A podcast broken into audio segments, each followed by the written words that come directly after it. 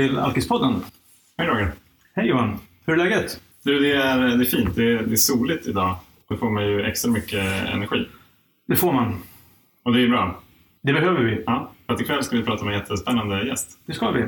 Vi säger välkommen till... Robert Laul heter jag. Välkommen Robert. Tackar. Hur mår du? Jag mår bra. Precis som ni var inne på så eh, blev det ju helt plötsligt en fantastisk blå himmel och, och lite ljus. Och det är man väl inte bortskämd med den här tiden på året. Så Ja. det, var- det var ju skönt. Allt är förlåtet Sverige. Ja, så är det. Så är det. Ja. Tack för att du kom. ja, tack för att ni bjöd in mig. Ja, vi fick ju kontakt med dig här om, här om veckan och eh, du tyckte att det skulle passa bra att vara med i podden. Bland annat därför att du släpper en bok. Ja, eh, jag släppte den för ett år sedan och nu kommer den ut på pocket. Så Ah. att, eh, ja. Jag gör väl egentligen ingen lansering för det för att den gjordes förra året då när boken kom. Men eh, det passade ju bra i tid. Jag hade gärna kommit hit oavsett om det var en bok på gång eller inte. Men det passade extra bra eftersom den som sagt kom ut pocket här i dagarna. Så Ja. då passade det bra att eh, vara med och prata om de här ämnena. Mm, Det är mycket sport och fotboll för mig annars som jag syns, syns och hörs kring. ja. vad, vad handlar boken om då? Ja, det handlar om eh, mitt missbruk Ja. och eh, min uppväxt i ett eh, alkoholisthem. Och eh, en tredje, tredje ben är väl liksom livet som profilerad journalist. Samtidigt som du då har ett, ett allvarligt missbruk. Ja, det är ju perfekta de, de, ämnen. ja, de tre delarna man kan säga Ja. mm, den bygger på.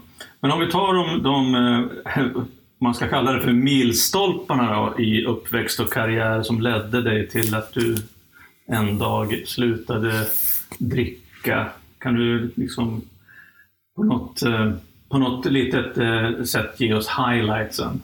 Hur såg det ut? Ja, det beror ju på om man ska fokusera på vad som ledde till att jag slutade dricka eller vad som ledde till att jag började dricka. Eh, För att det är ju egentligen två olika Ja. historier som går ihop med varandra. Men eh, eh, vi behöver Kan kanske- börja med liksom lite grann varför du började? Ja, ehm, då, eh, då får man väl börja med barndomen helt enkelt. Ehm, Jag är uppvuxen i ett eh, alkoholisthem som sagt och eh, ett tidigt minne är att jag vaknar upp, eh, jag är fem år och, och fyra till och med.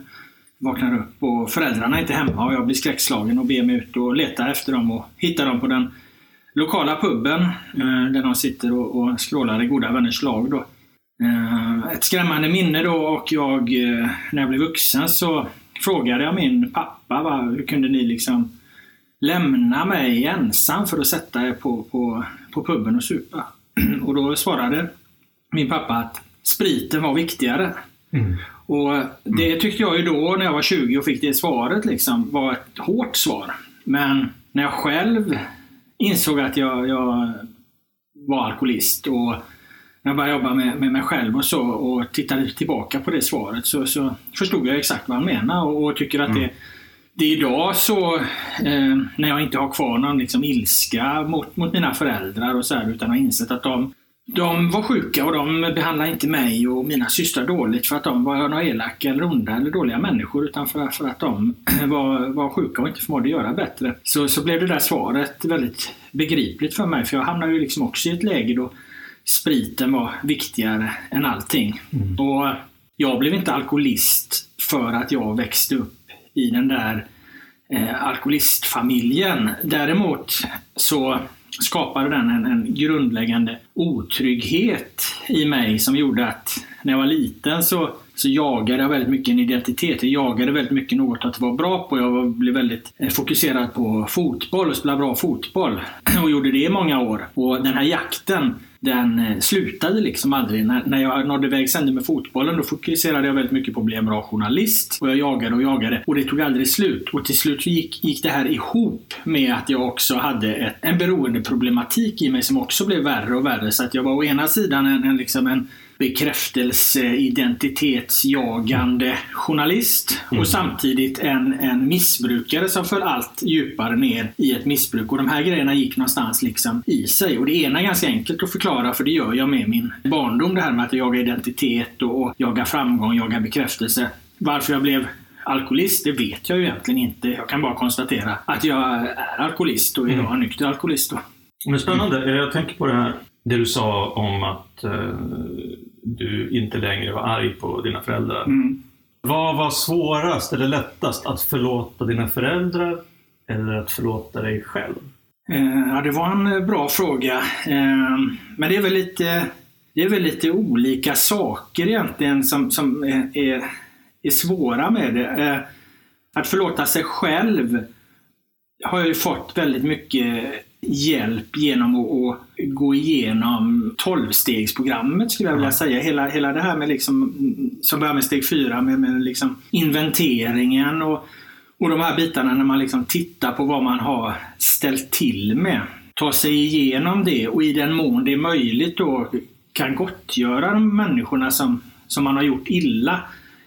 Det, det är väl först liksom då blir liksom förlåtelsen av dig själv en, en, en, praktisk konsekvens av att du verkligen gör det här arbetet. För att då kan du någonstans titta tillbaka på, inte på något sätt att förminska de dåliga saker du har gjort, men du kan i alla fall titta tillbaka på det med ett gott samvete att du har det går ju alltid att göra mer och bättre givetvis, men du har i alla fall gjort ett väldigt, väldigt ärligt försök att, att gottgöra och städa upp efter det du har ställt till med. Du kan titta dig själv i spegeln och, och känna att du, du, du, du har i alla fall gjort ett ärligt och, och gediget försök liksom mm. och, och, och göra rätt för dig mot bakgrund av de fel du har gjort. Så, så att det kan man väl säga att, att förlåtelse av sig själv kom som en praktisk konsekvens av, av ett eh, stegarbete. När det gällde att förlåta sina föräldrar så kom det ganska tidigt. Det kom väl mer liksom som en, som en insikt skulle jag säga. Lite som jag var inne på det. Jag började reflektera över det här. Min pappa sa till mig att spriten var viktigare och jag liksom mm. någonstans förstår i, med mina egna problem, när jag börjar förstå mina egna problem, så förstår jag också vilka, vilka problem de hade. Mm. Och när jag tittar på mina egna problem och vad de ställde till med så förstår jag att det mina föräldrar gjorde, det hade också ungefär liknande orsaker att jag själv gjorde dåliga saker. Och, mm. och då blir det liksom, ett, eh, då blir liksom förlåtelsen mot mina föräldrar, att jag inte är arg och, och besviken och bitter över det längre. Då blir det liksom som en insikt av att, att jag börjar förstå mina egna bekymmer. Men kunde du, var, det, var det sen efter du blev nykter som du förlät dina föräldrar? Ja, det skulle jag säga. Eh, att det, jag, jag trodde nog länge Medan jag fortfarande var aktiv och drack då att, eh, att, jag kanske inte, att det där kanske inte påverkade mig så mycket. Att jag inte brydde mig så, så mycket om det. Men, men jag skulle nog säga att, att eh, det gjorde jag. Mm. Och då, det fanns med liksom i, i mitt mående någonstans. Alltså det, det, var inte, det var inte klart, det var inte bearbetat, det var inte hanterat eh, när jag fortfarande drack. Jag hade inte försonats med det på, på det sättet som jag, som jag sen gör när jag kommer till insikt i, kring mina egna bekymmer. Då, då försonas jag till med, med det på ett, på ett helt annat sätt. Jag, jag gick nog runt och var ganska eh, omedvetet förbannad och mm. besviken på mina föräldrar utan att jag egentligen kanske riktigt kan definiera det under den aktiva tiden. Men däremot så kan jag peka på det väldigt tydligt nu när jag blivit nykter att någonting i förhållande till min barndom, till min uppväxt, till mina föräldrar, någonting släppte där. Liksom. Något gjorde att mina axlar blev mycket lättare att bära ur mm. det perspektivet. Hur kunde det se ut då, alltså sista tiden i den aktiva karriären? Var, var det någonting speciellt som gjorde att du drack? Nej, det var nog... Jag, jag drack för att eh, jag drack så att säga. Det var ja. liksom...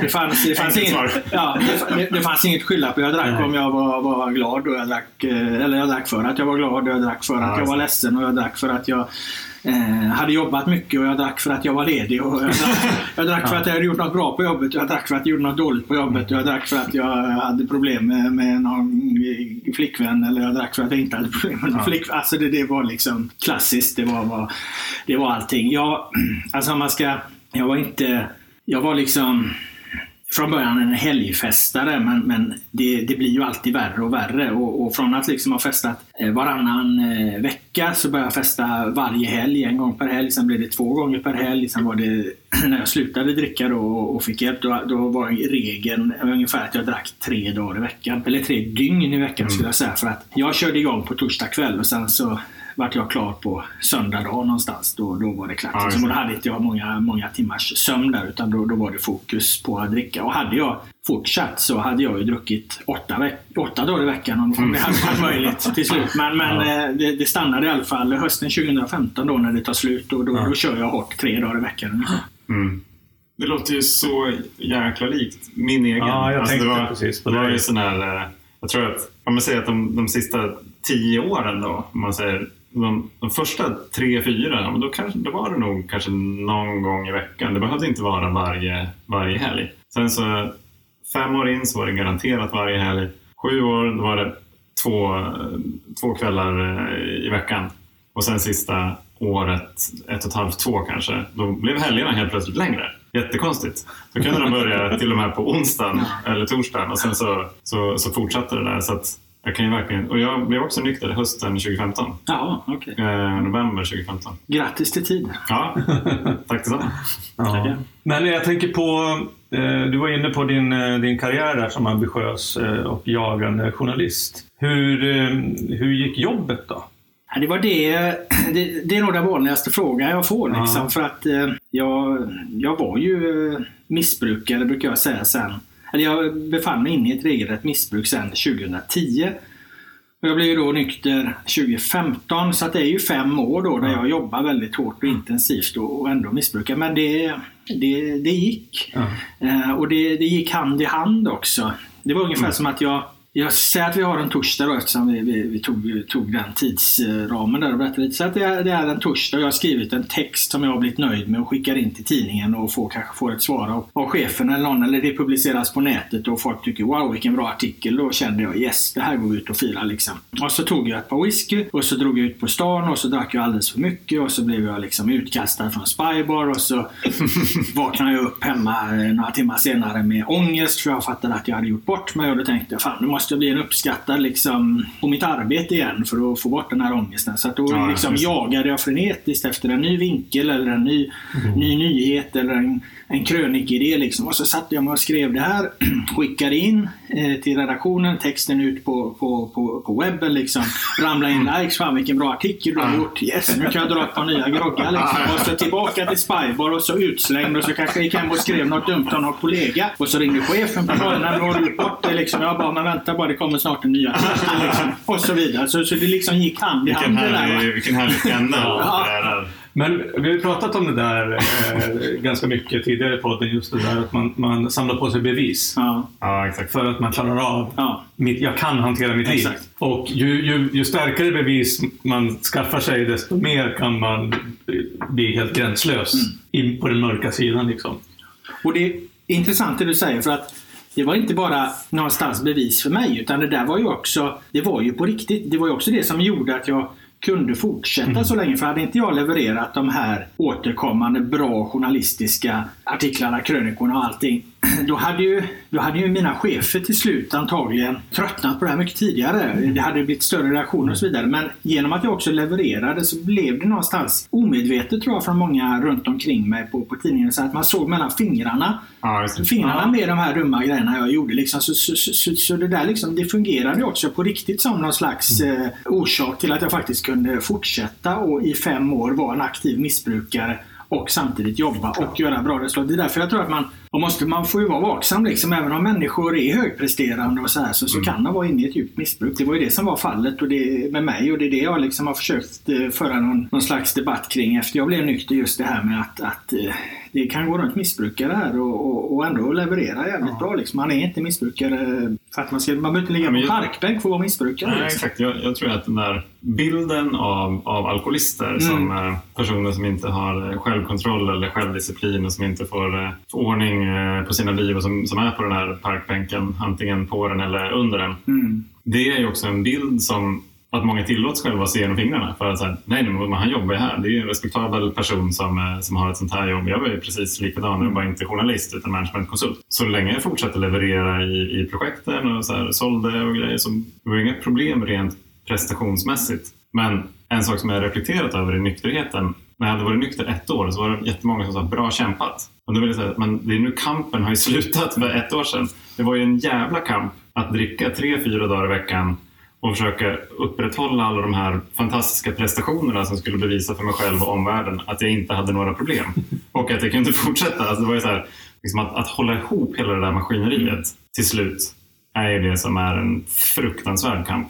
Och, och anledningen till att jag tycker det är viktigt att påpeka just det här då att, att, att, eh, att titta på varningssignaler innan människor hamnar på parkbänken. Det är ju också så att missbrukare kommer ju skapas. Det går ju liksom inte att undvika att människor hamnar i missbruk. En del kommer göra det, mm. i alla fall det som är känt mm. enligt forskningen. Så, så, så vi har ju en alkoholkultur här och, och människor dricker och en del kommer det gå illa för. Men ju tidigare vi kan få eh, eh omgivningar och personer själva, mm. eh, ju fler frön man kan få och ta tag i det i ett tidigt skede, eh, desto bättre. Det är där hela samhällsvinsten enligt mig då eh, ligger och det är därför det är så viktigt att påpeka det, att man kan vara en jävligt liksom driven och fungerande människa fastän man egentligen är helt ofungerande på så många sätt för man är djupt inne i ett missbruk. Ja, exakt. Men, jag slutade dricka när jag var 39. Fanns mängder av tillfällen 5-10 år ja. innan det. Liksom. Då hade mycket elände kunnat, eh, kunnat förhindras. Så ibland så, så kommer ju idrottspersoner ut. Det var någon hockeymålvakt här nu senast i NHL som berättade, han var han var runt 25 liksom, mm. som berättade att han är alkoholist. Liksom. Och, och mm. Jag sa det, fan det här vill jag prata om i våran webb-tv för att det här är så jävla beundransvärt. Alltså, ja. Dels i den där mm. miljön men sen i den här åldern också. Att kliva fram 25 år. Alltså, min fullaste liksom, eh, respekt för, för, för honom som, som klarar att mm. vända sitt liv i ett så tidigt skede. Mm. Ja, det, det är där alltså, utmaningarna finns ju i den här paradoxen just det du säger, de här dina sista fem år till mm. exempel. Att eh, eh, det är en sak för omgivningen att kanske se signaler och, och, och säga någonting. Men sen är det ju också för oss som missbrukare, alltså mina sista fem år så tror jag inte, ja, jag försökte sluta lite halv, så här, gjorde några, några vaga löften om att sluta några gånger, men jag, jag, jag upplevde inte mig själv som alkoholist eller som att jag hade problem. Utan jag, jag var i förnekelse. Mm. Jag tänkte att jag kan hantera det här om jag bara vill. Så att det är just det där att, att få ihop två stycken faktorer som båda är dysfunktionella. En omgivning som inte vet, ser och inte vet hur man ska göra och en mm. alkoholist som mm. skiter i, som inte kan liksom förstå. Så att hela den här sista, den här sista branten i utförsbacken mm är ju jävligt svår att stoppa. Ja, så är det. Och, och jag tror inte att man kanske, för att det är därför det är en sjukdom och det är därför det är en så svår problematik. Det är precis det du beskriver där. Mm. Eh, och det kanske inte går så mycket att förändra med det, med det jag är inne på. Men ett, eh, vi har ju en, en, liksom, en alkoholkultur som mm. är väldigt tillåtande och den, den kan bli mindre tillåtande. Alltså, eh, det skrattas bort väldigt mycket idiotsaker som görs på fyllan och där tror jag att man, man mm. kan, utan att bli liksom någon moralist, så kan man förändra attityder. Det andra är att eh, det jag kallar för att så frön då, de kanske inte biter när du är i, i det här akuta sjukdomstillståndet. Men har du fått en del frön bak i livet när du som jag då kommer in i en behandling så bet i alla fall den behandlingen mm. ganska snabbt på mig. Och det tror jag berodde på att jag hade i alla fall några människor som hade stått mig nära som genom åren lite då och då ändå hade knackat mig på axeln och sagt att Robert, du har problem. Så att när jag då mm. kommer in liksom och någonstans är tvingad in i en behandling av min arbetsgivare så vill jag ju egentligen inte sluta dricka. Jag är inte mm. där ändå. Men, mm. men jag har de här fröna i, i, i bakhuvudet att det här är inte första gången någon säger till mig att jag har problem. Mm. Liksom. Och jag inser att nu kan det vara vägs ände för att nu har även företaget och arbetsgivare reagerat och jag bestämmer mig bara för att lägga undan allting och, och tänka så här. Nu ska jag eh, gå efter de som har gått före. Det här har uppenbarligen hjälpt andra människor att sluta dricka så nu skiter jag i vad jag tycker om det utan nu till mm. början så, så, så, så, gör jag bara som folk säger till mig. Det var egentligen det, det jag gjorde i början. Jag bara, jag bara gick efter. Jag bara gjorde vad de sa. Men vad var det som hände då där, alltså precis innan du slutade? Ja, jag hade ju eh, granskat, eh, eftersom jag är journalist då, eh, så hade jag granskat en styrelsekupp i AIK ishockeyförening. Det låg ett par ett år bak i tiden eh, från 2015. Då. Det var under vintern 2014. granskade jag en, en styrelsekupp och eh, det var några personer som försökte ta makten i AIK. På ganska suspekta personer. Och eh, det här väckte ganska ont blod i så här huliganled kring AIK.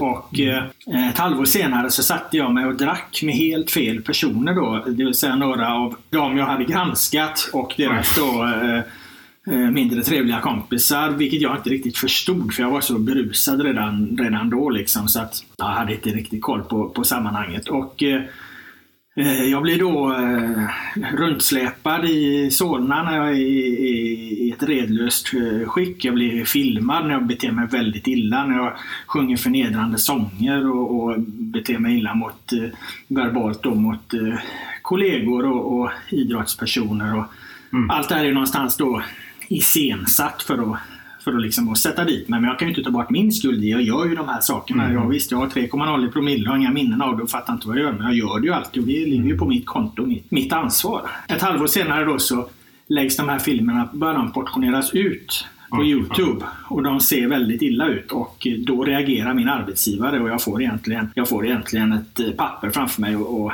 och skriva på att eh, nu får jag underkasta mig en, en, en behandling här eh, mot, eh, för att eh, arbetsgivaren misstänker att jag har alkoholproblem utifrån vad som, vad som framkommer på de här filmerna. Då. Och därifrån eh, får jag hjälp då till den behandlingen och när jag kommer till den behandlingen så, så det är då jag bestämmer mig för det jag sa innan att nu ska jag följa efter de som har gått före. Men hur reagerar du när du blev ställd inför det här eh, pappret? Eh, då, det var utan protester. Alltså, Ja. det var så? Ja, för att de tog styggt på mig. Jag mådde... Jag var dels nere i ett djupt missbruk. Jag hade... Hur hade det sett ut det där halvåret då? Nej, jag hade, ja, jag hade under den, den sista tiden av det här missbruket hade jag börjat... Du var inne på att du förnekade din eh, alkoholism. Men jag hade någonstans kommit över den där för, förnekelsen. Jag hade accepterat att jag, jag var alkoholist Ja. och, och var ett missbruk. Men, men att det spelade liksom ingen roll. Liksom. Jag kan lika gärna dö var, var en tanke jag Ja, hade mycket i huvudet. Liksom. Så att eh, det är skitsamma liksom. Visst, det kom stunder då jag tänkte att nu tar jag tag i det. Men, men ah, jag kan lika gärna dö. Liksom. Det var en sån där tanke som hade kommit och gått. Och när jag då hamnade i en, i en, i en eh, förvisso självförvållad men väldigt svår kris då i och med de här filmerna och så, så, så drev ju det mig någonstans till liksom självmordets rand. Jag, hade jag skrev ju ett avskedsbrev och, och planerade hur det där skulle gå till. Så att jag var ju väldigt djupt ner och när arbetsgivaren kommer med det här pappret så sträckte jag ju egentligen bara upp handen och, och sa ja, ja, ja, hjälp mig liksom. Men ja, det var ju dubbelt också för att jag ville ju ha hjälp. Jag ville bli av med mina problem. Men jag ville ju inte sluta dricka. Jag ville ju att jag skulle kunna dricka normalt. Det var ju liksom fortfarande, det fanns ju fortfarande kvar i mig någonstans. Det var liksom det jag, eh, när jag väl kom till behandlingen i början kunde brotta ner och, och känna att ja, okej, även om jag vill kunna dricka normalt så det, jag kan inte göra det här nu. Det här går jag bara efter de som har gått före. Här gör jag bara vad folk säger till mig. Ja. Och då därifrån, från den icke särskilt eh, eh, att det är jag själv som vill det här. Men så tar det inte så många veckor i en samtalsgrupp med eh, andra människor som har liknande problem. Det tar inte särskilt lång tid innan jag genuint känner att jag vill bli nykter. Det tar ett par, två, tre veckor liksom där jag känner att ni är ju precis som jag. Alltså, Jag har ju precis samma problem som er. Och det ramlar någonstans ner i magen på mig med en sån kraft så att där når jag, i den här samtalsgruppen egentligen, där når jag min botten. Ja, stopp. Alltså, det här är första gången det här händer. Ja, välkommen tillbaka till Ja, hej. Alkispodden. Alkispodden del två. Del två. Nu med, eh, nu med en, eh, en riktig mick. mick. Inte bara datormicken. Vi, Men har, vi har alltså slagit i botten här med, tillsammans med Robert utan mick. Men det var ett lämpligt tillfälle att göra det på. För jag hade ju kommit till botten av min historia när jag satt i, i behandlingsgruppen där och, och det någonstans ramlade ner i magen på mig med sån kraft att eh, jag är ju precis likadan som, som de andra i den här samtalsgruppen. Jag, jag, jag är alkoholist helt enkelt. hur många var det i en sån här, hur många var det där? Eh, vi var 12 män och kvinnor i, i olika åldrar. Och det var inte bara eh, som hade med, med alkohol då, utan vi hade någon eh, spelmissbrukare och det var någon eh, som hade tagit för mycket tabletter. Och, och, ja, det, var en, det var en salig blandning av härliga människor. Gott och blandat med, med missbrukare helt enkelt. Ja, men eh, det tyckte jag var väldigt intressant eh, ur, ur det perspektivet att få, få en inblick liksom i, särskilt i spelmissbruket. Det är ju aktuellt det med, Ja, det. spelreklam och, och regleringen kring det. Så att eh, där fanns liksom ett, ett det var det var väldigt lärorikt på många sätt, förutom att det var en, en personlig resa för mig själv. Då, så var det också oerhört lärorikt att, att höra andra människors historier ur många perspektiv. Var du då på behandlingshem? Nej, Det var utan, öppen ja, det var eller? tre dagar i veckan gick jag på förmiddag i Gamla stan. Så att det var mellan typ eh, 8 och 12 på måndag, onsdag, fredag. För jag tänkte, jag, Okej. jag var ju på fyra veckor på internat. Och så här med facit i hand så tänker jag att det var jävligt bra att få komma bort ifrån allting i fyra veckor. Jag ju mobilförbud på, på, på dagarna. Ja. Och, vet, så här, och bara få fokusera på gruppsamtal och terapi och ta reda på vem fan man är utan, utan sprit. Nej, ja, de gjorde ju en bedömning då av mig och då, det fanns ju det i vågskålen. Behandlingshem, intensivbehandling och eh, vanlig behandling. Då. Och, eh, behandlingshemmet så, så illa däran ansågs jag inte vara. Och, eh, men jag ansågs däremot inte vara tillräckligt frisk heller för att, att bara ha en vanlig behandling. Utan det har varit en intensivbehandling då, när jag var som sagt eh, tre, tre dagar i veckan. I två månaders tid och sen så fortsatte det ju ett och ett halvt år till då med Ah, okej. en gång i veckan ungefär. Och sen vart det en gång i, i månaden. Och, ja, trappades av så under, under, under nästan två år totalt. Och det var ju kombinerat med självhjälpsgrupp också där, där jag fortsatte med tolvstegsprogrammet. Då. Det är ju spännande det här. Alla de här vägarna in. Ja, och eh, det, det kom ju liksom, det kom ju i lite olika faser då, då kan man säga. Jag, jag, jag var inne då eh, på, på det första liksom som händer, det är ju att eh, jag någonstans bestämmer mig för att gå, gå före och, och göra det som säger till, sägs åt mig och, och, bara lyssna på allting och ja, vara en mönsterelev i det där. Det var väl egentligen så jag resonerade. Nu ska jag vara liksom klassens ljus i det här. Liksom. Det har jag aldrig varit tidigare i något sammanhang egentligen. Men Vi, vi pratade ju om, om prestation här innan. Alltså jag har ju Ja. känt ga, ganska mycket prestation i både terapi och i tolvstegsprogram. Men jag vet att det också är en, en sida hos mig som jag behöver jobba med. Kan du känna igen dig i det? Absolut. Eh, Det finns ju någonting i mig då liksom som, som, som också handlar om att vara bäst på att vara nykter. Ja, exakt. Och, och, och, och, jag, tror inte jag, jag, jag tror precis som du, man ska jobba med det, man ska vara medveten om det. Men det tror jag kanske inte att jag kan förändra på samma sätt. För att det var väl lite det vi började det här samtalet med. att Den uppväxten jag har, den gjorde mig inte till alkoholist. Men däremot så tog den bort någonting hos mig. Den tog bort en trygghet eh, hos mig som jag på olika sätt eh, har jagat i hela livet. Och det är ju väldigt lätt när du jagar saker att du jagar destruktiva saker. Nu jagar jag istället en sak som jag tycker är väldigt bra. Det är väldigt bra att försöka vara bäst på att vara nykter. Det, det hade varit ännu, ännu bra, bättre om man inte hade haft något beroende alls. Men har du nu åkt på den här skiten, liksom, då, då är det väl åtminstone ett, ett bra alternativ att försöka vara bäst på att vara nykter. Så att då, då, Det får ju liksom inga negativa konsekvenser. Eh, det skulle kunna få en negativ konsekvens att jag, jag sprang på A-möten precis hela tiden då. Eh, Ja, om det nu är dåligt, det vet jag inte. Men det gör jag inte heller. Utan jag tycker att jag idag har en, en, en balanserad och, och, och bra eh, tillvaro. Men det är ju tre år och som sagt, det har varit olika, olika steg och olika led i det här. Då. Hur, hur gör du då för att vara bäst på att vara nykter? Ja, eh, bra fråga. Men eh, ja, du skulle vilja ta det från början där. Egentligen att, eh, om, om du börjar med det här att gå efter de som har gått före. Det höll i sig ett par, tre veckor. Och, och, nej, men alltså det, det, sen går det över i det här att det landar i mig själv. Så jag inte behöver, det. behöver känna det att, att, att jag eh, måste göra det här för någon annan. Utan då, då när jag liksom sitter i gruppen, det ramlar ner i magen. Då känner jag att eh, fan, det här är ju vad jag vill. Det här är ju, är ju genuint. Jag vill ju verkligen eh, eh, vara nykter.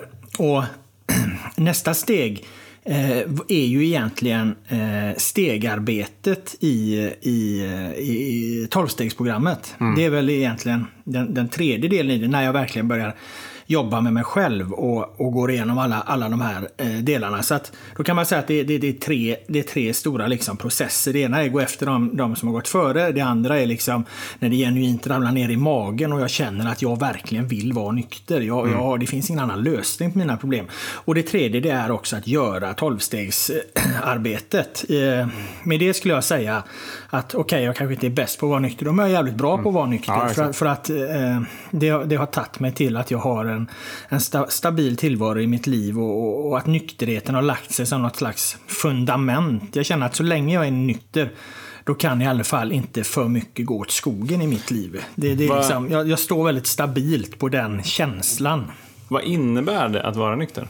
Ja, det innebär ju att ha eh, kontroll på eh, vad, eh, vad som händer i mitt liv. Alltså, när jag drack så vaknade, då levde jag ju i en ständig oro för vad har jag ställt till med. Ja, just det. Eh, Det är ju, det, det, det, jag vaknade ju upp på morgonen och hade ingen aning om vad som hade hänt. Som jag var inne på där så slutade ju allting med med att jag varit filmad liksom och, och gjort massa bedrövliga saker. Liksom. Jag gjorde ju andra bedrövliga saker under tiden. Jag hade ingen riktig aning om, om, om vad. Jag blev ibland påmind om, om skit jag hade ställt till med. Och det var någonstans att gå runt i, liksom, i en ständig oro för vad, vad, vad jag har gjort. Bara att, att få bort det Ja. Eh, att, att, ha- att, att ha kontroll och att veta, kontroll kanske låter dåligt i ordet, men, men, men att veta, att slippa den oron hela tiden. Att, bara kunna leva och, och känna att jag behöver inte vara orolig för någonting här nu. Det, det skulle jag säga är, är är den absolut största grejen med att vara nykter. I övrigt är ju liksom,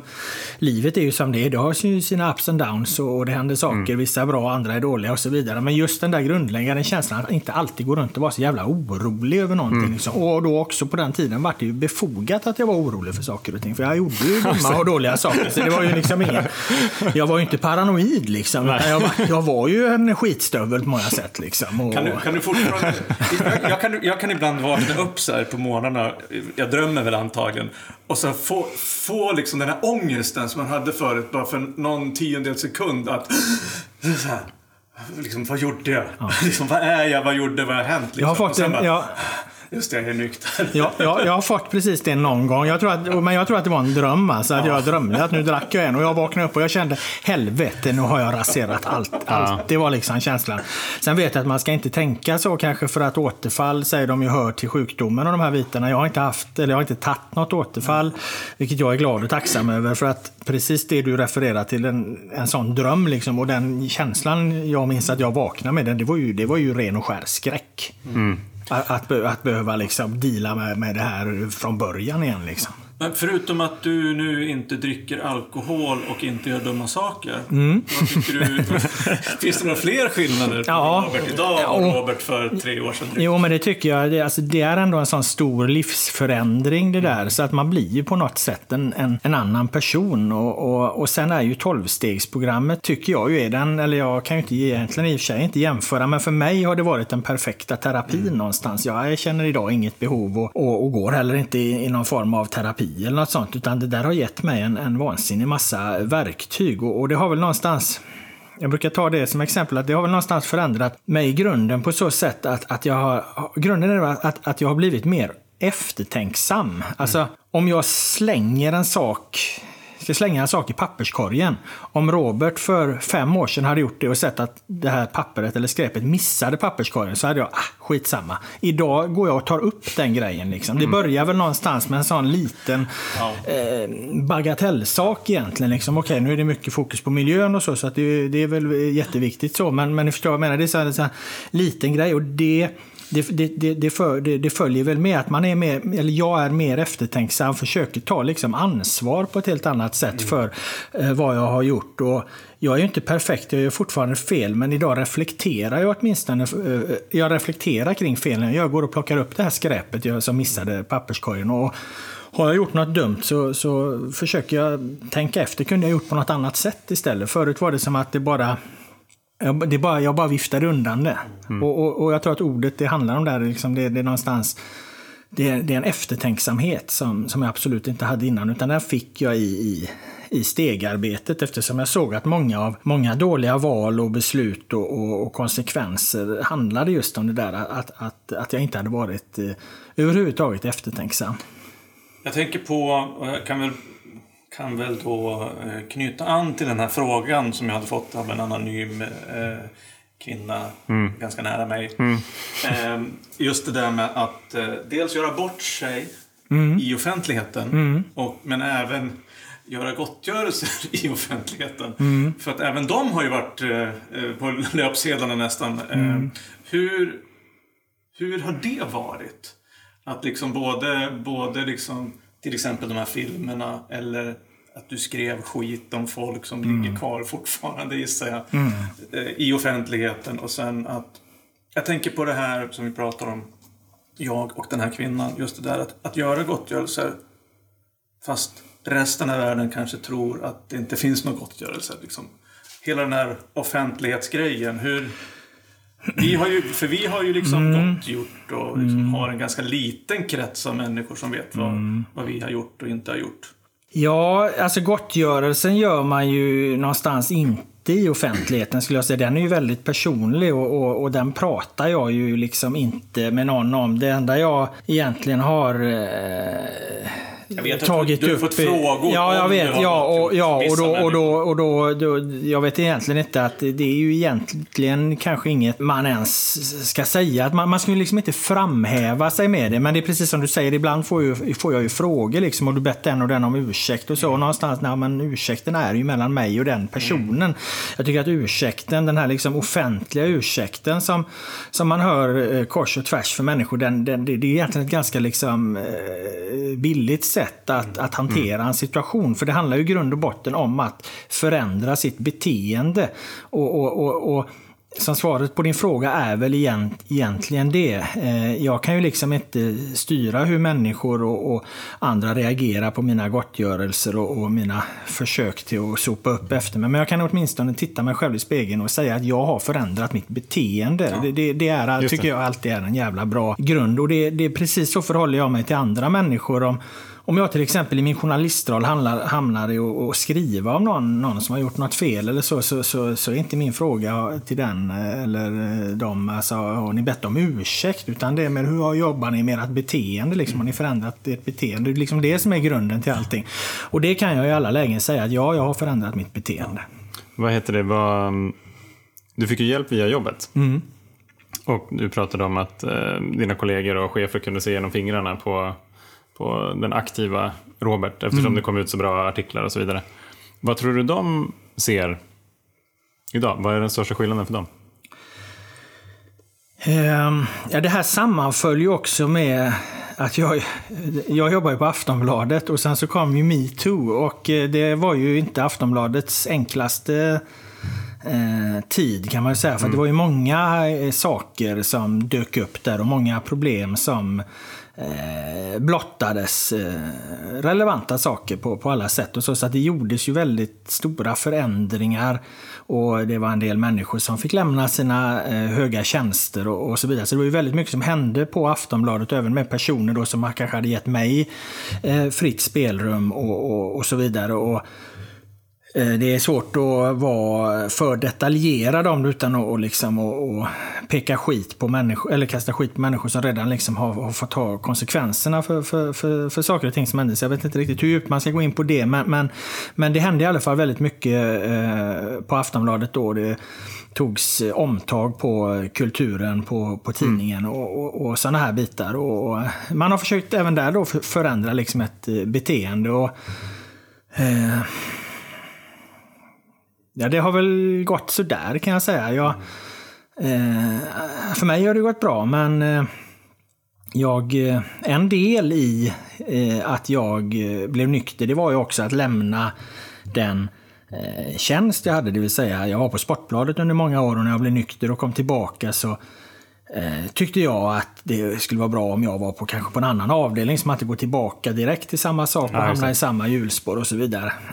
och så fick det vara ett tag, men, men nu för något halvår sedan här så Ja, har tidningarna börjat få lite sämre ekonomi igen och då märker man direkt att de här sakerna som handlar om ah, personalansvar och, och arbetsmiljö och så, då, så fort liksom det ekonomiska skruvas åt lite då, då tar man inte samma hänsyn till det. Så att då pekade de med hela handen och så vart jag tillbaka på sporten igen för att de tyckte att det där gör Robert Laul gör, gör mest nytta. Och till en början vart jag ju besviken över det för jag tyckte att det var varken, varken bra för, eh, för eh, ja, det var liksom emot Sportblad, chefen på Sportbladet också. Han fick också liksom tillbaka då något som, som vi redan som hade, vi hade lämnat. Liksom. Och det var inte det, det bästa för mig, men, men det var så det blev. Och, eh, det är ju en sån sak som jag då får arbeta med idag, att inte ligga och harma över. Liksom, och Nej, inte ligga och liksom tycka att de här cheferna är några jävla idioter. Liksom, för att, eh, Och för er som det- aldrig varit på tolvstegsmöte, så det här med att harma. Ja, det, när man är missbrukare då harmar man över allt möjligt. Och harma det, är- det är ungefär att du ligger en hel natt och är, är väldigt, väldigt förbannad på en, antingen en specifik person eller en, en företeelse. Och du kan verkligen inte släppa det. Du kan inte få det i huvudet. Så att jag, att, att jag då... Det är att harma. Det är Ja, att det harma. Det Att jag, att, jag blev, att jag mot min vilja blev tillbaka placerad på Ja, just det. Sportbladet igen för att tidningsledningen ansåg att där gör jag mest nytta fastän jag anser att det här är inte riktigt bra för min, för min nykterhet. och så här. Det är en sak som jag får jobba med, att inte harma för mycket över. Så att, Ja, eh, den gamle Robert han hade bränt av en satans salva mot, mot tidningsledning och alla andra här. Men, men den nya Robert försöker att bita sig i tungan, så kan man väl säga. Så, så var han gott, den nya Ja, Robert. det gör han faktiskt. Han eh, försöker göra det bästa av Kan han situationen. till och med släppa taget lite grann om det där? Ja, eh, han försöker göra det bästa av situationen. Har blivit väldigt diplomatisk. Ja, verkligen. ja, underbart. Jag, tänkte på en grej. Ehm, vi pratade om eh, varningssignaler som, som man kan liksom plocka upp. Ehm, vad, vad skulle det kunna vara, till exempel? Om Jag- man, om en ja. som så här, kollega eller chef eller någonting. Ja, men jag, jag, där tror jag man är inne på, på liksom kulturen, eh, alkoholkulturen vi, vi, vi har i, ja, inte bara i det här landet, men det är ju det här landet vi bor i, så det är väl det som är, är aktuellt. Men, men den är ju väldigt eh, den är ju väldigt tillåtande. Du kan ju göra bort dig ganska mycket. Du kan göra ganska mycket eh, dumma saker och sen så, så eh, garvas det åt det dagen efter, liksom på, eller efter helgen och så. Alltså det, det, Eh, det, det finns väldigt för- förlåtande inställning kring, kring att folk gör bort sig på fyllan utan att man, man eh, inser att den här människan kanske har problem ifall det då återkommande upprepas Ja, hela tiden. Och jag skulle vilja säga att det är väl det i så fall. Alltså att de, och så, för så är det ju. Det är ju ofta samma personer som gör bort sig hela tiden. Det är ju inte liksom så att du har 20 personer på, på, på, på ett arbete och, och det är alltid olika personer som gör bort sig på personalfesterna. Utan det är ju ett par återkommande Fan, som, som, man- som man spå- märker det, alltså. Ja, som spårar ur. Det, det vet man, det ser man ju och vet direkt. Ja, Liksom. ja. Men i våran, våran kultur så ligger ju att eh, att eh, garva bort det där. Liksom. Och det Ja. kanske inte är det schysstaste att göra, även om det är det som känns som det schysstaste att göra. För att eh, när det är återkommande snedsteg hela tiden så, så beror det ofta på någonting. Och det där, det vet ju vi som, som har varit i skiten, att det blir ju fan inte bättre, utan det blir ju Nej. sämre och sämre. Och, och, och så är det ju förmodligen för de här, för, för de här människorna också. Så att... eh, Ja, och vad man då ska göra åt det? Ja, jag tror, ju, jag tror ju på att du löser ju inte någon annans problem genom att påtala det, men jag tror ju som sagt på att så frön.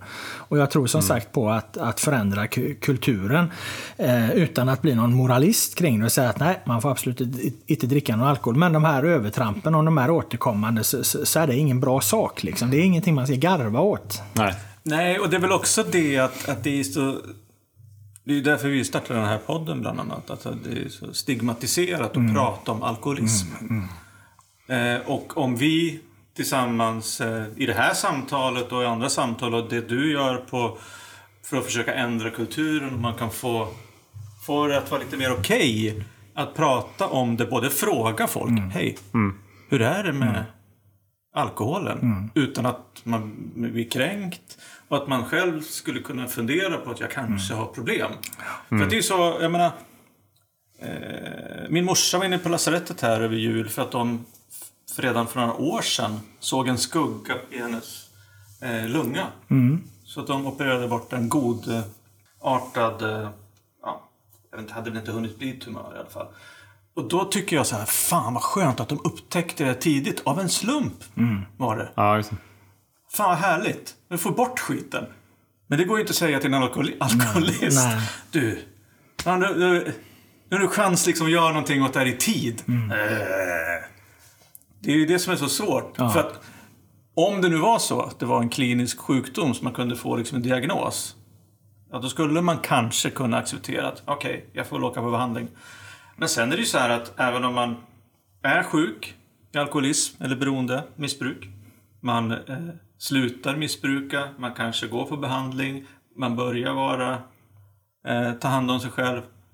Sen plötsligt bara slutar man behandlingen. Därför att man tycker inte att det är kul. eller, Eller man, klarar man- inte av det. Ja, att, att vara nykter. Så att det är så jävla svårt det där. Alltså det är en av de... Vi har, no, vi har ju upptäckt några knäckfrågor i den här podden. Ett, vad är det som får en alkoholist att sluta? Eh, två, hur kan man förklara för en icke-alkoholist hur en alkoholist tänker? Ehm, och sen ehm, är det just det där, hur, hur kan en alkoholist välja lite andra saker? Och varför, varför vill inte en alkoholist eh, fortsätta vara eller slippa vara sjuk. Så sådana här saker. Så det, det finns ju en massa mysterier, eller jag vet inte om det är mysterier, men saker som inte vi förstår i alla fall. Nej. Som man inte kan säga så här, gör så här eller gör så där. För att man ska, så att det är det också som gör det så svårt. Men jag håller med, mycket ligger i kulturen. Både- Men sen är det ju där, det, de du räknar upp där då, den eh, första delen där. Eh, eh, vad var det? Det var eh, hur man slutar. Var det varför? Ja, Vad är det som får en Vad är det som får en? Så, ja, det har jag ju pratat mycket om. För mig var det de här tre liksom, processerna. Då, liksom, att först eh, följa efter de, de som har gått före och sen liksom, eh, ramlar det ner i magen och du når den här botten och du accepterar att du verkligen är sjuk. Och sen tre, gör stegen, följ tolvstegsprogrammet och, och gå igenom det. Liksom. Där, där är vi någonstans, är ju det som gör mig nykter. Då. Eh, nummer två där, liksom, eh, det var ju eh, hur man får andra att förstå. Liksom. Och det, det, det, är ju, det är ju där måste, man, där måste man ju faktiskt hålla sig vid att det är en sjukdom. Eh, Det är ju det enda sättet och, och, och, och sen måste man förklara det för människor utan att de här människorna tror att man skyller på sin sjukdom. För att det, Ja, det, det, det är ju inte... När vi sitter och pratar om det här och allt elände vi ställer till med på, på fyllan så anser jag att det är att ta fullt ansvar för det. Eh, men det beror lik förbannat på en sjukdom för att du måste acceptera den här sjukdomen för att annars förstår du inte allvaret i det och annars gör du, gör du idag hade inte jag accepterat att det här var en sjukdom, då hade jag kunnat säga att jag kan nog ta ett glas. Liksom. ja. Men eftersom jag förstår att det här är en sjukdom så vet jag att jag kan aldrig ta det där glaset. Så att när vi pratar om att det är en sjukdom så är det ju någonstans för att eh, så allvarligt är det.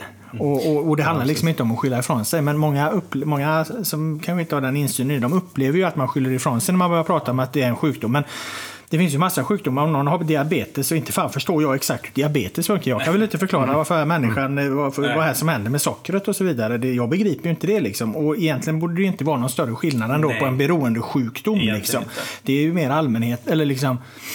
Men det är ju också så här, det finns en spännande, spännande, en hårfin linje där mellan eh, den här frågan som du ställde till din pappa.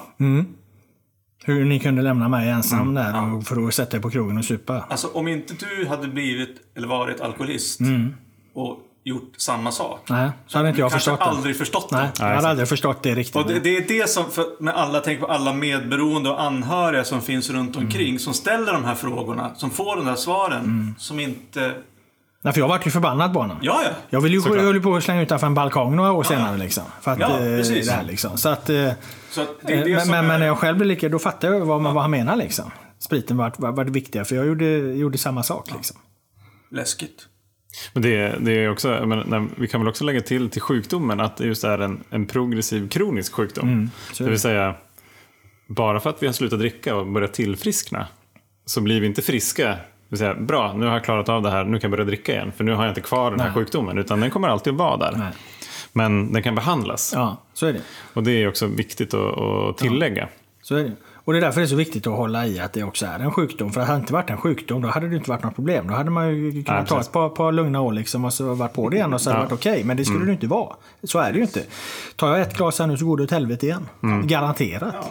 Ja, men det, och en, eh, det var, jag tror att vi pratade om det i podden tidigare, men just att, att vi är alkoholister, det vill säga att vi har sjukdomen alkoholism, det är ju good news. Annars hade vi varit tre killar som bara dricker alldeles för mycket. Och gjorde massa dumma grejer. Ja, precis. och hade Ja. stora Ja. svarta hål inuti i bröstet Ja, som inte visste vad skulle fylla med. Men eftersom vi är alkoholister, då kan vi ju, då kan vi tillfriskna i en tolvstegsgemenskap till exempel. Tillsammans det. med andra alkoholister.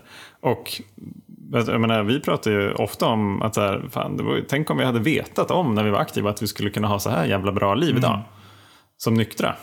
Jag menar, det, det fanns ju inte på kartan. Nej, bra att du sa det. För det, det, det tänkte jag fråga dig. När du då, för att precis, du sa ju där att, att du, eh, som en praktisk konsekvens av fjärde steget, att du förlät dig själv. Men när du, när du kom på behandling, du bestämde dig för att ta rygg på de som har gått före och eh, hade, slutade dricka och du satt där och du, säg att det hade gått ett par, tre veckor utan alkohol. Hade du koll på, eller funderade du på liksom vem du var utan spriten? Eller kände du liksom att du fortfarande var samma kille, hade din identitet Nej. och dina känslor? Nej, det där tänkte jag en hel del på och eh, eftersom det här någonstans hade skett i offentligheten då, allt det här, eh, så insåg ju jag att jag var inte längre Robert Laul, sportjournalisten. Utan jag var ju numera Robert Laul, alkoholisten. Och frågan var om jag skulle då bli Robert Laul, den nyktra alkoholisten. Det var ju liksom Ja, så i de leden resonerade jag väl. Eller i alla fall när jag skrev min bok så kom jag fram till att, att det var så jag måste ha tänkt. Och, och, och ja, det var i de banorna jag, jag tänkte. Liksom, och det är så jag också beskriver det. Liksom, att jag, jag funder, eftersom jag har funderat mina identiteter väldigt mycket hela mitt liv så, så var det där en ganska central fråga för mig. Och, Eh, eh, jag- insåg ju någonstans att jag kommer aldrig få de här eh, filmerna ogjorda och, och eh, det, det bästa jag kan göra det är ju egentligen att, att, att gå ut och, och prata om, om mitt beroende och, och, så här. Och det gjorde jag sen också. Det, det dröjde ju ett tag. Jag fick vänta ett tag liksom innan jag hade koll på allting och så. Men sen så kunde jag gå ut och prata om det och då blev, jag, då blev det ju någonstans min, min, min identitet som eh, nykter alkoholist där. Eh, Sen så idag, nu har det ju gått tre och ett halvt år här. Jag, jobbar ju som journalist, vilket är ett, ett fortfarande då, gör jag ju, och det är ett publikt yrke. Eh, då vet jag inte hur många som liksom hela tiden ser mig som en nykter alkoholist. Och nu är jag väl mer en sportjournalist för de flesta. Liksom, och det är väl det jag också mest förhåller mig till. Jag hade en, en idé eh, efter jag skrev min bok att jag, att jag skulle, så här, skulle göra mycket föreläsningar och, och, och eh, ja, kanske ha liksom någon form av yrkesliv med det här då och prata om, om, om eh, sjukdomen och beroenden och, och, och den här biten. Men jag kände ganska snabbt att eh, nej, jag, det, det, var nog inte det jag ville. Jag ville inte göra det. Liksom.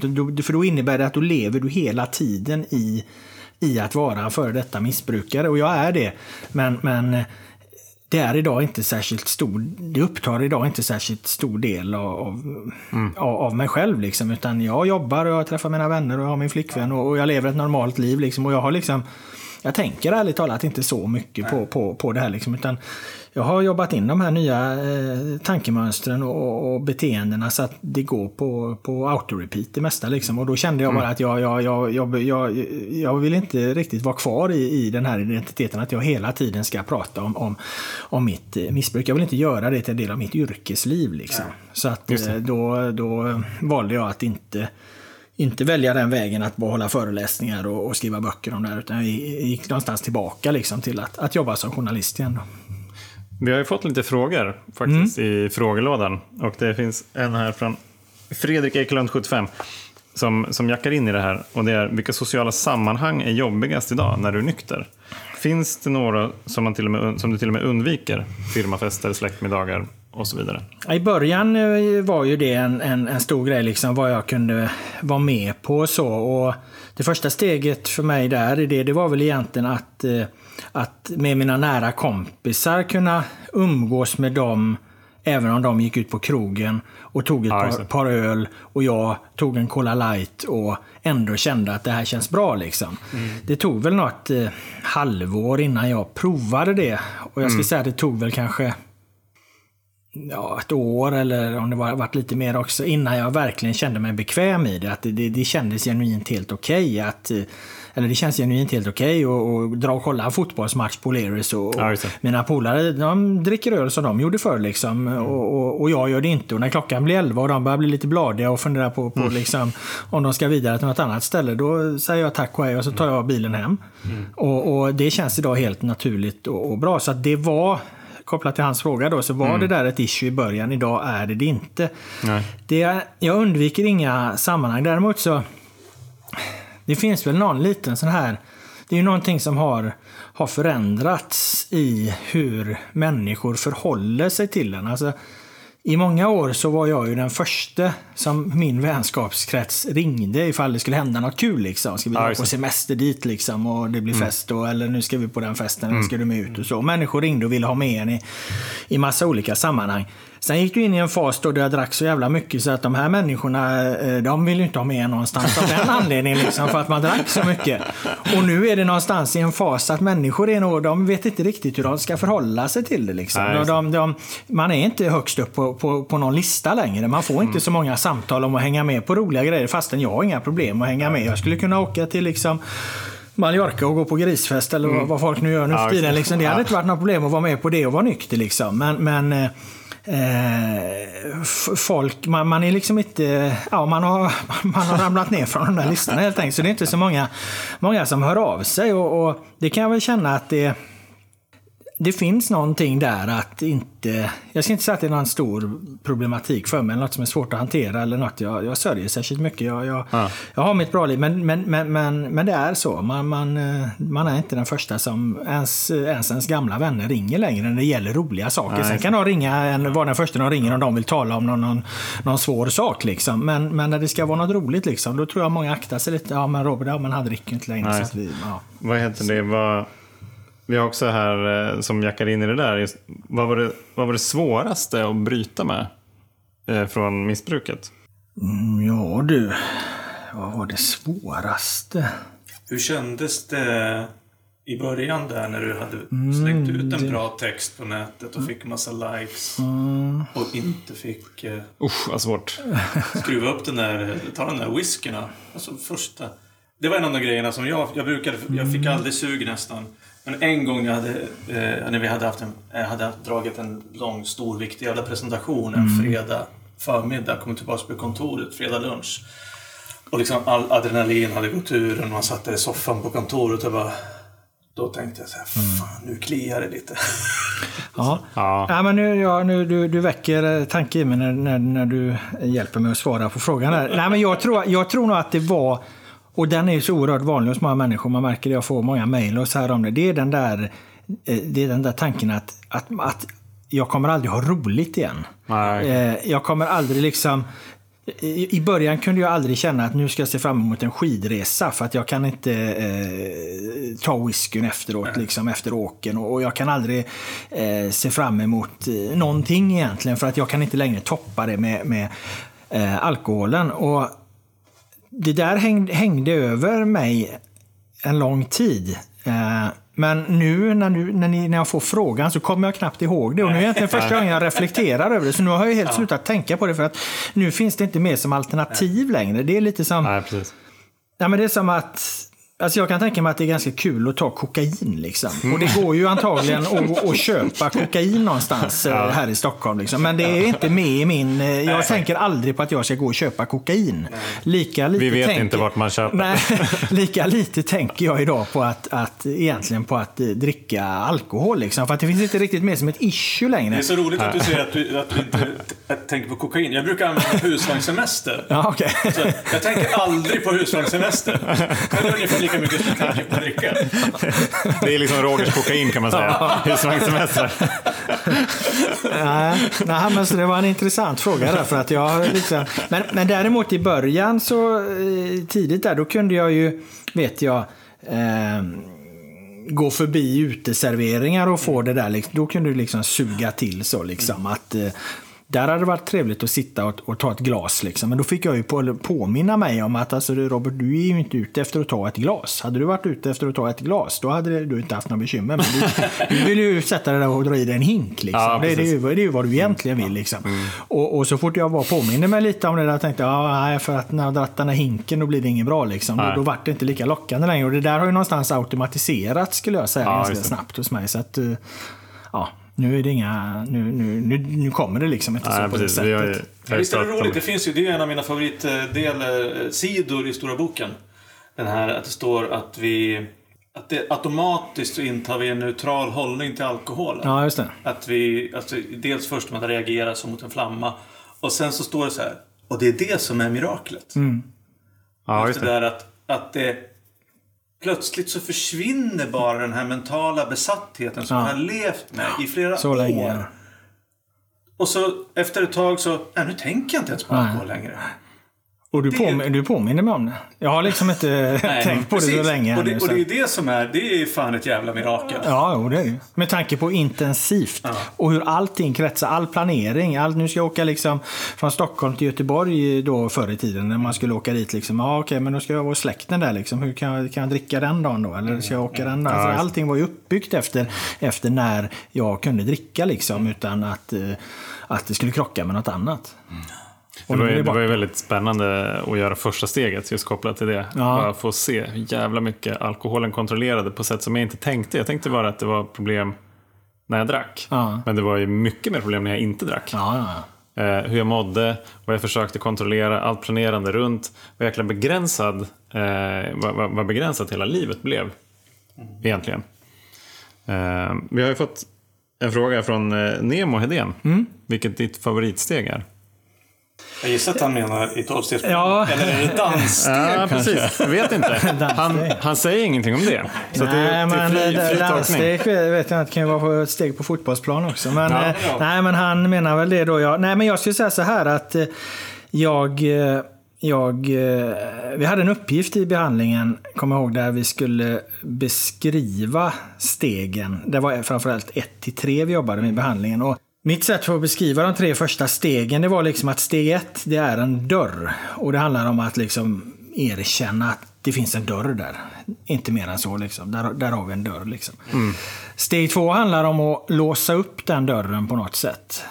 Eh, slå in den eller sparka in den om det behövs. På, på något vis få upp dörr, dörren. Liksom. Och steg tre då eh, handlar om att, att kliva in i den. Och där innanför se, är det ett mörker för mig. För att där, när du har klivit in där, ste, tredje steget är väl liksom att acceptera Gud, det är väl den en, eh, ko- korrekta eh, betydelsen av det. Men, men att det jag gjorde det till var att kliva in i det här mörkret och inte riktigt veta vad som händer. Mörkret var inte negativt, utan det, det, det är att inte riktigt veta vad som hände. Och, och där inne börjar då det, det fjärde steget, det som innebär eh, inventeringen, den eh, orädda och, och oförskräckta moraliska inventeringen av, av dig själv helt enkelt. Och, eh, så att det är steg fyra är, är, är det viktigaste, för att det är där jag liksom, då börjar jag verkligen jobba med mig själv. Det är där arbetet eh, börjar för att det här de här tre stegen innan ska bli bestående. Liksom. Att, att, eh, att jag verkligen ska eh, förändra mig och, och, och, och så. Och det visste jag inte riktigt då. Nej. Men, men det är idag jag ser det så. Så att om, om frågan är vilket som är mitt favoritsteg så skulle jag nog säga att det, det är fjärde steget. Det finns, jag kanske skulle lika bra kunna argumentera för att det första steget är det viktiga, viktigaste också. Det eh, är det ju på många sätt. Men, men Men men för mig har, fjärde steget betytt oerhört mycket. Att jag bestämde mig. Liksom. Det tog ett tag. De tre första, gå igenom de tre första, gå in i den här dörren. Det var ganska självklart eftersom det kom med behandlingen. Men sen handlade det då i fjärde steget om att skaffa en sponsor och hitta en, sponsor som du passar bra med och, och verkligen ta dig den här tiden. För att det vet nog inte så många, det vet ju vi som har gått igenom det, men, men, men det, är ju, det är ju ett arbete. Alltså. Det, var, tog, det är mycket tid. Alltså. Det, jag har aldrig gjort något liknande. Alltså, att gå igenom då alla människor liksom, du har skadat och var, varför det kan vara. Liksom, och, och, och, och vem du är och, och vad du har för brister. Alltså hela, hela den, den resan. Alltså, eh, Den sponsor som jag gjorde det med, han var, han, eh, var en fantastisk människa och, och har hjälpt mig oerhört mycket. Och, och jag är oerhört tacksam för att han var min min sponsor, han gjorde det där väldigt, väldigt grundligt och, och gediget och vi la mycket tid på, på det och, och det har varit oerhört viktigt för mig. Så att eh, Ja, svaret är, är, är steg, ge inte upp vid de tre första liksom, utan in, in, in, in i mörkret och, och ta, tag i, ta tag i fyran liksom. Och det är så jävla härligt att du säger att in i mörkret. För att det är just det där att...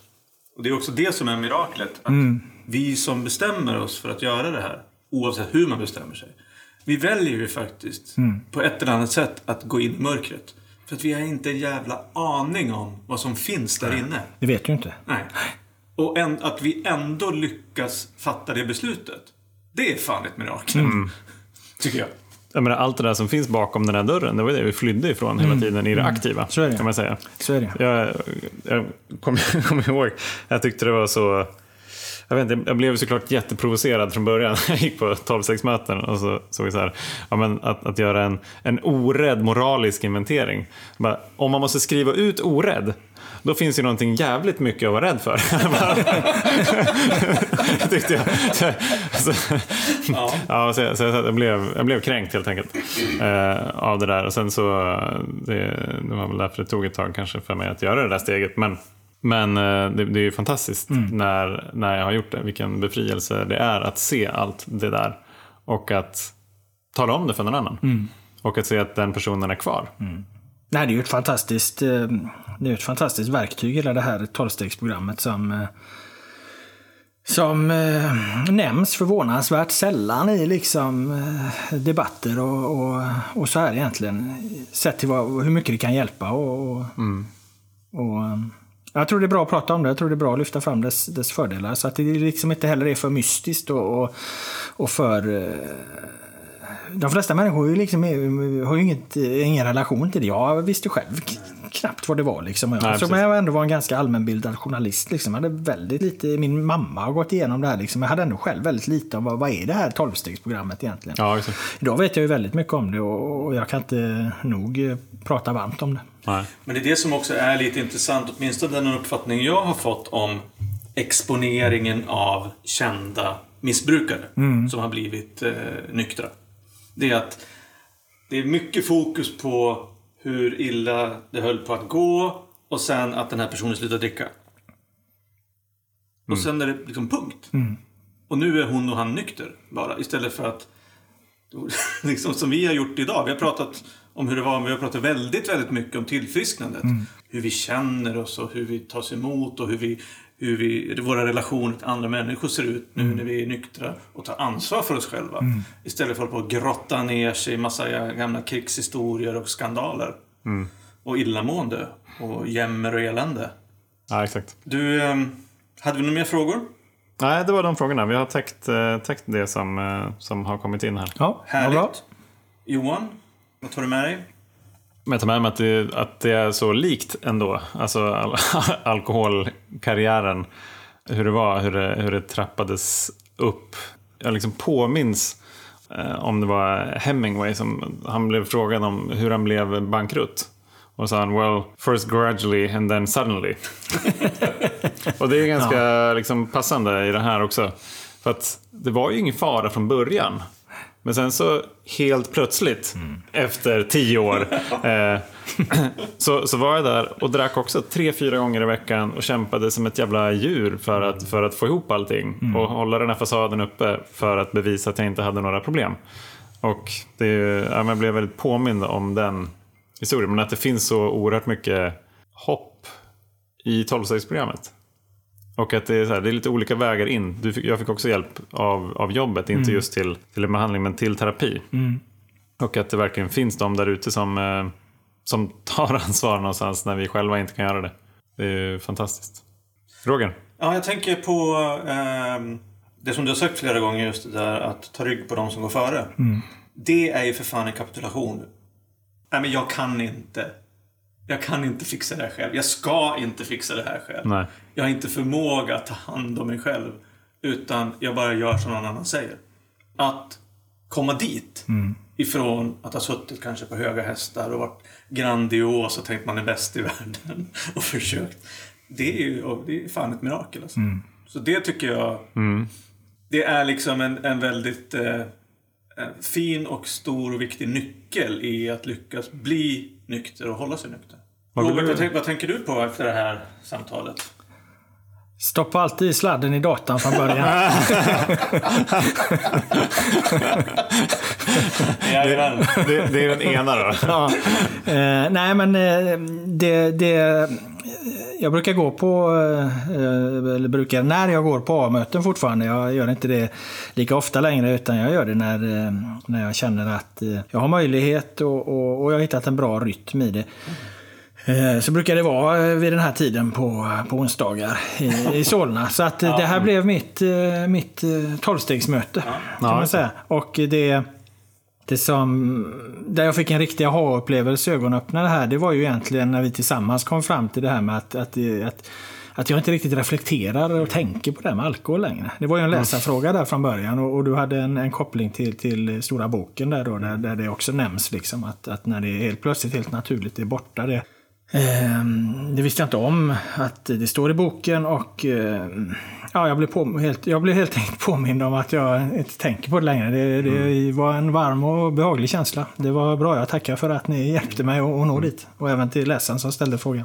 Eller lyssnaren. Vad skulle du vilja skicka med som en sista till, dem, till den som lyssnar? Som står och väger liksom, är alkoholist, kanske dricker för mycket och vet inte riktigt vad jag ska göra. Nej, det är just det att eh, är det ett beroende, en beroendeproblematik, är det en, en riktig problematik och, och det känner man. Man brukar känna om, om, om man verkligen inte har kontroll. Tittar man sig i spegeln så, så, så vet man att man inte har kontroll. Då är det att det blir inte bättre. Det, det blir Nej. i regel bara sämre. Det kan bli någon tillfälle, det går bättre någon månad eller två. Liksom. Men, men, men över tid så, så är det där ett sluttande plan. Det blir bara värre och värre. Det blir bara mer och mer elände och du kommer aldrig ångra dig om du, om du slutar för tidigt. Nej. Det, Nej. det, det, det, för det blir bara, det blir bara sämre liksom. Jag brukar också säga alkoholen finns ju kvar där ute. Ja, Ja.